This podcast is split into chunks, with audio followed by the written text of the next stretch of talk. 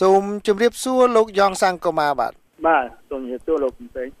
បាទយុទ្ធនាការនៃការឃោសនារយៈពេល3សប្តាហ៍បានមកដល់ទីបញ្ចប់នៅថ្ងៃសុក្រនេះហើយលោកអាចវិតម្លៃសរុបបានទេថា ក្នុងរយៈពេល21ថ្ងៃនេះតើអ្វីទៅជាបទពិសោធន៍នៃការធ្វើនយោបាយនៅថ្នាក់ជាតិរបស់លោក ក្នុងនាមជាគណៈបកនយោបាយពិតប្រាកដនោះបាទបាទជារួមគឺក្នុងរយៈពេល3សប្តាហ៍នេះ គឺគណៈបកជាតតៃមូលដ្ឋានយើងបានចុះទៅធ្វើសកម្មភាពឃោសនានៅគ្រប់ទីកន្លែងនៅទូទាំងប្រទេសជាតិកម្ពុជាហើយអ្វីដែលសំខាន់សម្រាប់យើងគឺអឺពីមុនគណៈបកយើងពីទូទៅវាជាប្រវត្តិភាគច្រើនគាត់មិនទាន់បានស្គាល់មិនទាន់អីចឹងតាមរយៈយុទ្ធនាការនេះឥឡូវជាប្រវត្តិភាគច្រើនលើលោកនៅគ្រប់ទីកន្លែងហ្នឹងក៏គាត់បានស្គាល់ដាក់ប្រជាធិបតេយ្យមូលដ្ឋាន ហើយប៉ុន្តែយើងមានបញ្ហាមួយចំនួន ដែលវាជាមានស្រាប់យើងដែរគឺសំខាន់គឺកម្មជននិងបេក្ខជនយើងភាគច្រើនសិតអ្នកថ្មីអ្នកដែលមិនមានបទពិសោធន៍ក្នុងកិច្ចការនយោបាយកន្លងមកអញ្ចឹងយើងជួបបញ្ហាពីរបញ្ហាមួយគឺគាត់មាននៅមានការភ័យខ្លាចនៅពេលការជួបការរៀបរៀងខ្លះខ្លះពីអាញាធមូលដ្ឋានអញ្ចឹងសម្រាប់គាត់ស្មខ្លួនគាត់មានភាពក្លាហានក្នុងការ តស៊ូមតិក្នុងការតវ៉ាអញ្ចឹងយ៉ាងវាស៊ីពេលតិចហើយមួយទៀតគឺអឺខ្លួនគាត់នោះគឺនៅមិនទាន់មានភាពស្ទាត់មានច្រើនក្នុងការយល់ចុះចូលជាបរិបទប៉ុន្តែការរៀនគាត់ធ្វើបដារៀនបដាអញ្ចឹងចឹងជារួមគឺយើងបានបានទទួលនៅផលប្រយោជន៍ច្រើនពីយុទ្ធនាការហ្នឹងដូចខ្ញុំបញ្ជាក់អញ្ចឹងគឺយើងបានធ្វើឲ្យជាបរិបទស្គាល់ពីគណៈបព្វជិតតែមូលដ្ឋាន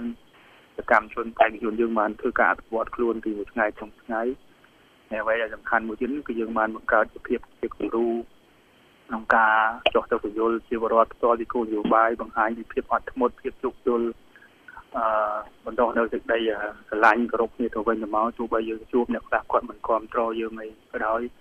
មានអ្នកខ្លះមួយចំនួនគាត់មិនសូវគ្រប់គ្រងយើងប៉ុន្តែយើងយកយល់នឹងគ្រប់ដល់សិទ្ធិសេរីភាពរបស់គាត់ឯចឹងសូមអរគុណលោកកុមារការស្គាល់ជារឿងមួយ ការទុកចិត្តរហូតដល់បោះឆ្នោតគ្រប់គ្រងផ្ដល់ទំនុកចិត្តតាមរយៈសញ្ញាឆ្នោត ជារឿងមួយទៀតនៅក្នុងប្រទេសមួយចំនួន ការពិតទៅ ការដែលថ្មីថ្មោងនៅក្នុងឆាកនយោបាយមិនមែនជាឧបសគ្គទេ បាទជួនកាលអ្នកបោះឆ្នោតខ្លះគេចង់បានអ្នកថ្មីដើម្បីបញ្ចេញការដឹកនាំថ្មីក៏ប៉ុន្តែនៅក្នុងបរិបទនៅក្នុងប្រទេសកម្ពុជាតើលោកយល់ថាប្រជាពលរដ្ឋនោះគាត់ ឈានមកដល់ដំណាក់កាលមួយដែលគាត់ចង់បានអ្វីថ្មីដោយប្រែក្លាយពីការស្គាល់គណៈបកលោកទៅជាការផ្ដល់ទំនុកចិត្តហើយឬនៅបាទបាទជាងសំខាន់ទី1គឺឲ្យគាត់ស្គាល់ទី2ឲ្យគាត់យល់ហើយទី3គឺការសម្រេចចិត្តលើគាត់ហើយអ្វីដែលយើងសង្កេតឃើញហ្នឹងគឺជាប្រវត្តិភាគច្រើនជាអ្នកទីទីទីប្រជុំជនអ្នកផ្សាយអញ្ចឹងគឺគាត់ស្វាគមន៍គាត់គាត់គ្រប់គ្រងគាត់ហើយយើងឃើញតាមរយៈភាពរាក់ទាក់របស់គាត់ ដល់ពេលយើងហៅកាត់ការលើកដៃលេខ7ហើយមានអ្នកខ្លះគាត់ពេលយើងចុះទៅជួបខិតប័ណ្ណអញ្ចឹងគាត់មានឧបត្ថម្ភឲ្យជាទឹកសុទ្ធឲ្យជានំចំណីអីចឹងណាមកឲ្យកម្មជនរបស់យើងអញ្ចឹងជារួមយើងឃើញរួមនៃការគ្រប់គ្រងនឹងច្រើនហើយគាត់ចាប់អារម្មណ៍នឹងអ្វីថ្មីអ្វីដែលវាល្អអ្វីដែលដែលវាប្រសើរប៉ុន្តែយើងជួបក្នុងទំនោះយើងត្រូវជួបនឹងបញ្ហាពីរដែរបញ្ហាទី1គឺការភ័យខ្លាចរបស់ជាបរិវត្តជាមួយគណៈបកកណ្ដាលអំណាចអ្នកខ្លះគាត់ ឆ្លាញ់គាត់គ្រប់គ្រងយើងដែរប៉ុន្តែគាត់នៅរែកទីហោះកន្លែងខ្លះគាត់ជួលខិតប័ណ្ណគាត់មើលស្វែងមើលស្ដាំអញ្ចឹងណាក្នុងការភ័យខ្លាចអញ្ចឹងគាត់ខ្លួនគាត់អ្នកខ្លះគាត់ថាគាត់គ្រប់គ្រងទៅប៉ុន្តែគាត់មិនចង់ហ៊ានទៅពេញមុខពេញអីដោយសារគាត់ខ្លាចហើយមានយើងមានមួយក្រុមទៀតដោយគាត់គិតថាអឺគាត់មិនទាន់ទុកចិត្តគាត់គិតថាដោយសារមានអត្តពលពីការលៀបពណ៌ពីអីយើងថាយើងជាគណៈបកសំណបជាគណៈបកអីកំដរជាគណៈបកអីចឹងចឹងធ្វើឲ្យគាត់នឹងមាននៅការសង្ស័យ ក៏ប៉ុន្តែអានោះយើងទុកឲ្យគាត់ធ្វើការសម្រេចចិត្តទុកឲ្យគាត់តាមដានយើងចម្លើយទៅខ្លួនឯងហ្នឹងបាទជារួមយើងទទួលបានការគ្រប់គ្រងច្រើនពីជាបរដ្ឋអ្វីដែលសំខាន់គឺយើងដោយសារយើងជាគណៈបកមួយថ្មីហើយយើងមានធនធានមានលុយកាក់តិចតួចចឹងយើងមកក្នុងវិទ្យាការកោសនារបស់ណោនេះគឺយើងមិនអាចអឺធ្វើបានពេញពេញ100%ទៅដល់ជាបរដ្ឋ100%ដូចយើងគ្រោងទេប៉ុន្តែយើងទៅដល់អឺភូមិឃុំនឹងវាសឹងតែ100%បាទ ប្រទេសជប៉ុនបានប្រកាសមិនបញ្ជូនអ្នកសង្កេតការបោះឆ្នោតទៅចូលរួមនៅក្នុងការបោះឆ្នោតនេះទេតើវាជាការមួយរំខានទៅដល់ស្មារតីឬក៏ទឹកចិត្តរបស់លោកទេបាទបាទតាមពិតយើងដឹងរឿងនេះមុនហើយព្រោះយើងបានជួបជាមួយឯករដ្ឋជួតជប៉ុនគាត់បានគាត់បានបញ្ជាក់រឿងហ្នឹងដែរហើយជាទូទៅកន្លងមករដ្ឋាភិបាលជប៉ុនជាផ្លូវការពីប្រទេសជប៉ុនមកគឺកម្រឬក៏ក្នុងការជួនអ្នកកិច្ចការមកដែរប៉ុន្តែនៅនៅភ្នំពេញនេះ យើងបានដឹងថាទូតជប៉ុនហ្នឹងគឺគាត់មានបញ្ជូនអ្នកសង្កេតការពីតាមកម្រិតទូតនៅភ្នំពេញហ្នឹងហើយយើងបានដឹងហើយយើងខ្ញុំឃើញហើយខ្ញុំបានជួបគឺជប៉ុនបានបញ្ជូនតាមពិតជប៉ុនជួបអ្នកកសែតមកចូលជាគេហើយក្នុងនោះក៏អ្នកនយោបាយជប៉ុនដូចជាសមាជិកប្រតិភិសមាជិករដ្ឋាភិបាលជប៉ុនក៏មកហើយយើងមានការណាត់ជួបនៅថ្ងៃស្អែកអីចឹងជារួមគឺវាមិនរារាំងវាមិនប៉ះពាល់អីដល់យើងទេ ប៉ុន្តែបើសិនជាមានអន្តរជាតិចូលរួមក្នុងកិច្ចការកាន់តែច្រើនវាកាន់តែល្អប្រសើរអញ្ចឹងតែមួយទៀតគឺយើងបានដាក់អ្នកសង្កេតការអ្នកដែលជួយប្រមូលទិន្នន័យប្រមូលលក្ខលទ្ធផលលក្ខណៈនោះគឺគ្រប់គ្រាន់ទៅតាមអ្នកជំនាញដែលគេត្រូវការព្រោះអ្នកជំនាញគេត្រូវការយើងដាក់ក្នុងចំនួនការចល័យមួយទៅតាមគេកំណត់ដើម្បីងាយស្រួលយកទិន្នន័យហ្នឹងមកគណនាអាសនៈឲ្យបានលឿនដើម្បីយើងស្លុកយកលទ្ធផលក្នុងអាសនៈហ្នឹងដើម្បីធ្វើការ ឲ្យបានជាក់លាក់ថាយើងទទួលបានប្រមាណស្អីមកស្អីកុំឲ្យដូចកន្លងមកមានមិនមានភាពច្បាស់លាស់អញ្ចឹងអញ្ចឹងយើងយើងមានប្រព័ន្ធប្រមូលទិន្នន័យយើងហើយយើងមានសំណាក់យើងគ្រប់គ្រាន់ដែលយើងអាចចាក់លាអាសនៈបានត្រឹមត្រូវសុខិតបានល្អបាទបាទទន្ទឹមគ្នានឹងដែរកាលពីម្សិលមួយថ្ងៃបាទគឺជាថ្ងៃពុធមកនៅសហរដ្ឋអាមេរិកនេះសភាសហរដ្ឋអាមេរិកបានអនុម័តច្បាប់មួយដែលហៅថា ច្បាប់ស្តីពីលទ្ធិប្រជាធិបតេយ្យនៅប្រទេសកម្ពុជាឆ្នាំ2018នៅក្នុងនោះអ្នកតំណាងរាស្ត្រសហរដ្ឋអាមេរិកបានចាត់ទុកថាការបោះឆ្នោតនេះគឺជាការបោះឆ្នោតខុសច្បាប់អញ្ចឹងគឺនឹងមិនទទួលស្គាល់លទ្ធផលឆ្នោតនេះទេបើសិនជាគណៈបកលោកឈ្នះហើយសហរដ្ឋអាមេរិកមិនទទួលស្គាល់តើលោកនឹងត្រូវដោះស្រាយយ៉ាងម៉េចលោកត្រូវប្រកាន់ជំហរយ៉ាងម៉េចបាទទីមួយខ្ញុំគិតថាអ្វីដែលសភាសហរដ្ឋអាមេរិក លើកឡើងនេះតាមពិតជារឿងវិជ្ជមានវិញទេរឿងវិជ្ជមានយើងចង់បង្ហាញប្រាប់ជាប្រវត្តិថាគណៈបកកណ្ដាលអំណាចសប្តាហ៍នេះគឺប្រទេសលោកខាងលិចកាន់តែច្រើនទីចង់ដកខ្លួនឆ្ងាយពីគាត់ហើយអញ្ចឹងវាថាជំរុញឲ្យជាប្រវត្តិដែលចង់ឲ្យមានការផ្លាស់ប្ដូរជាពិសេសចង់ឲ្យប្រទេសកម្ពុជាមិនងាកឆ្ងាយពីលោកខាងលិចពីសហរដ្ឋអាមេរិកពីសហភាពអឺរ៉ុបអីចឹងងាកមកគ្រប់គ្រងគណៈបកជាតបតៃមូលដ្ឋានដែលជាជំរើសថ្មីដែលជាគណៈបកមួយដែលបានចូលរួមប្រកួតយ៉ាងស្វិតស្វាញដាក់បេក្ខជនទូទាំងប្រទេស ពលកម្មភាពឃោសនាទូទាំងប្រទេសមានគោលនយោបាយច្បាស់លាស់អញ្ចឹង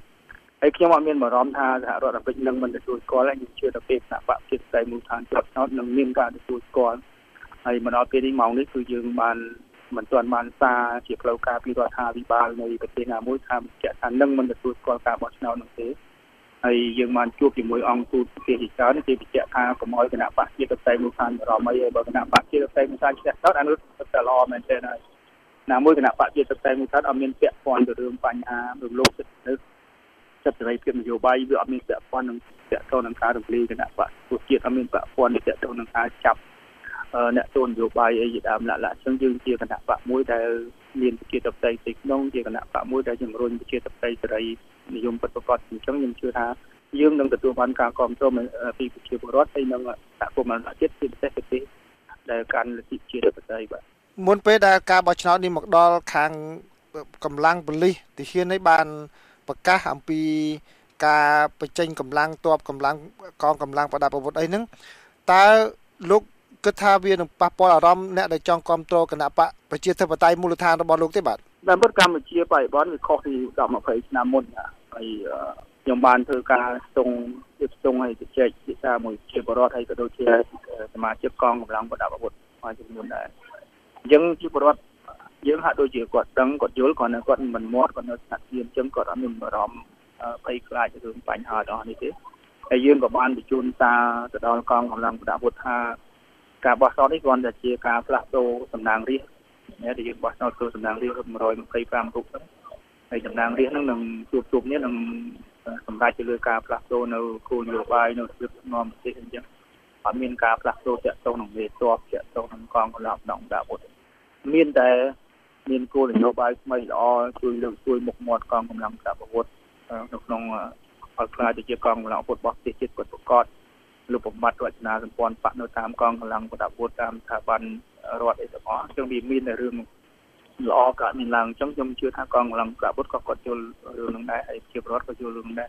គាត់ថាពេលខ្លះអ្នកខ្លះគេនៅមិនមាត់គេថានៅស្ងៀមស្ងាត់ប៉ុន្តែខ្ញុំជឿថាគេយល់ច្បាស់ហើយអត់មានការភ័យខ្លាចទេទៀតទេបាទ តើតើខាងគណៈបកលោកដាក់អ្នកសង្កេតការប្រមាណអ្នកដែរបាទសម្រាប់ពិនិត្យមើលដើម្បីធានាឲ្យមានការបោះឆ្នោតដោយសេរីនិងត្រឹមត្រូវនៅទូទាំងប្រទេសនោះបាទយើងមានពីរក្រុមគឺអ្នកសង្កេតការយើងដាក់ជាផ្លូវការជាមួយខយោបដូចជាប្រហែលជា400នាក់ដែលរាយភាគច្រើនរាយតាមទីតាំងព្រោះទីតាំងមួយមួយវាមានការចល័យអាច4អាច5អាច3អញ្ចឹងណាហើយមួយទៀតយើងមានអ្នកដែលគាត់នឹងចាំទៅយកសិននៃ1102នៅក្នុងកន្លែង ការិយាល័យមួយមួយចំនួនដែលយើងត្រូវការពួកគេអ្នកជំនាញខាងការបោះឆ្នោតគេឲ្យលេខកូដរបស់យើងអញ្ចឹងយើងទៅយកសិននៃពីការិយាល័យហ្នឹងដើម្បីយកមកបូកចូលទៀតដើម្បីយើងចាក់ជាអសនៈអញ្ចឹងមកដល់ពេលម៉ោងនេះគឺយើងមានមនុស្សដែលប្រមូលទិន្នន័យទៅតាមលេខកូដដែលអ្នកជំនាញការបោះឆ្នោតទីបានឲ្យហើយអញ្ចឹងយើងជឿជាក់យើងនឹងអាចប្រមូលនៅទិន្នន័យគ្រប់គ្រាន់ដើម្បីចាក់ជាអសនៈពីព្រោះបញ្ហាសំខាន់គឺការចាក់ជាអសនៈនៅខាងលើទេការលឹកឆ្នោតនៅតាមការចដាយជាង20000ជាងនោះមិនមាន បញ្ហាទេពីព្រោះនៅក្នុងនោះមានមន្ត្រីបោះឆ្នោត6នាក់មានអ្នកសង្កេតការផ្សេងៗហើយអ្នកមន្ត្រីបោះឆ្នោតមួយនាក់ហ្នឹងភាគច្រើនជាគ្រូបង្រៀនអីហើយគាត់ជាមនុស្សឯកទេទេហើយក៏ច្បាប់ក៏តឹងរឹងដែរគឺបើសិនជាហ៊ានមានហ៊ានបន្លំលេនៅកន្លែងការចល័យមួយមួយមួយហ្នឹងគឺវាថ្ងៃក្រោយរឿងនឹងកងបាយការគុំតែដឹងហើយអត់មានណាហ៊ានទេបើសំខាន់គឺប្រមូលទិន្នន័យតម្រង1102នោះបានគ្រប់គ្រាន់ក្នុងចំនួនមួយសំរុំដើម្បីជាអធិការអីបាទបាទអញ្ចឹងតើក្រោយពីការបោះឆ្នោតនេះទៅ បើសិនជាលទ្ធផលលោកចាញ់វិញតើលោកព្រមទទួលយកលទ្ធផលនៃការបោះឆ្នោតនេះទេតាមពិតយើងបានគិតមុនហើយបើយើងចាញ់ក៏យើងឈ្នះបើយើងឈ្នះក៏ឈ្នះដែរហើយបញ្ហាយើងចាញ់ឬឈ្នះគឺអ្វីដែលយើងសំខាន់គឺយើងចង់ពួកដំណាក់កាលនេះយើងបានទទួលជោគជ័យរួចហើយគឺជាបរិវត្តនៅសង្គមទីកន្លែងគាត់បានស្គាល់គណៈបព្វជិតតែមូលដ្ឋាន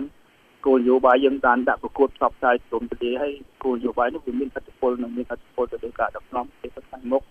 យើងមានធនធានមនុស្សជាច្រើននៅដែលតាមរយៈការយុទ្ធនាការឃោសនានោះហើយយើងមានអ្នកគ្រប់គ្រងការច្រើនដែលជាគ្រឹះកាន់តែមមសម្រាប់យើងធ្វើដំណើរមុខទៀតនៅឆ្នាំ2002ឆ្នាំឆ្នាំ2022ឆ្នាំ2023ចឹងចំពោះយើងយើងមានទស្សនវិស័យវែងឆ្ងាយសិនមកក្នុងការបោះឆ្នោតនៅថ្ងៃ29កក្កដាយើងមិនទទួលជោគជ័យ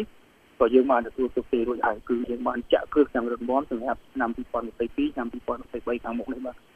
បាទសូមអរគុណលោកយ៉ងសង្គមាដែលជា ប្រធានគណៈកម្មាធិការនយោបាយនៃគណៈបកប្រជាធិបតេយ្យមូលដ្ឋាននិងជាបេក្ខជននាយករដ្ឋមន្ត្រីដែលជ្រាបដល់ការនេះផ្ដល់បទសម្ភាសន៍ដល់ VOA សូមជម្រាបលាលោកបាទបាទសូមអរគុណដែរលោកម៉ែនសុំទេហើយសូមជម្រាបលា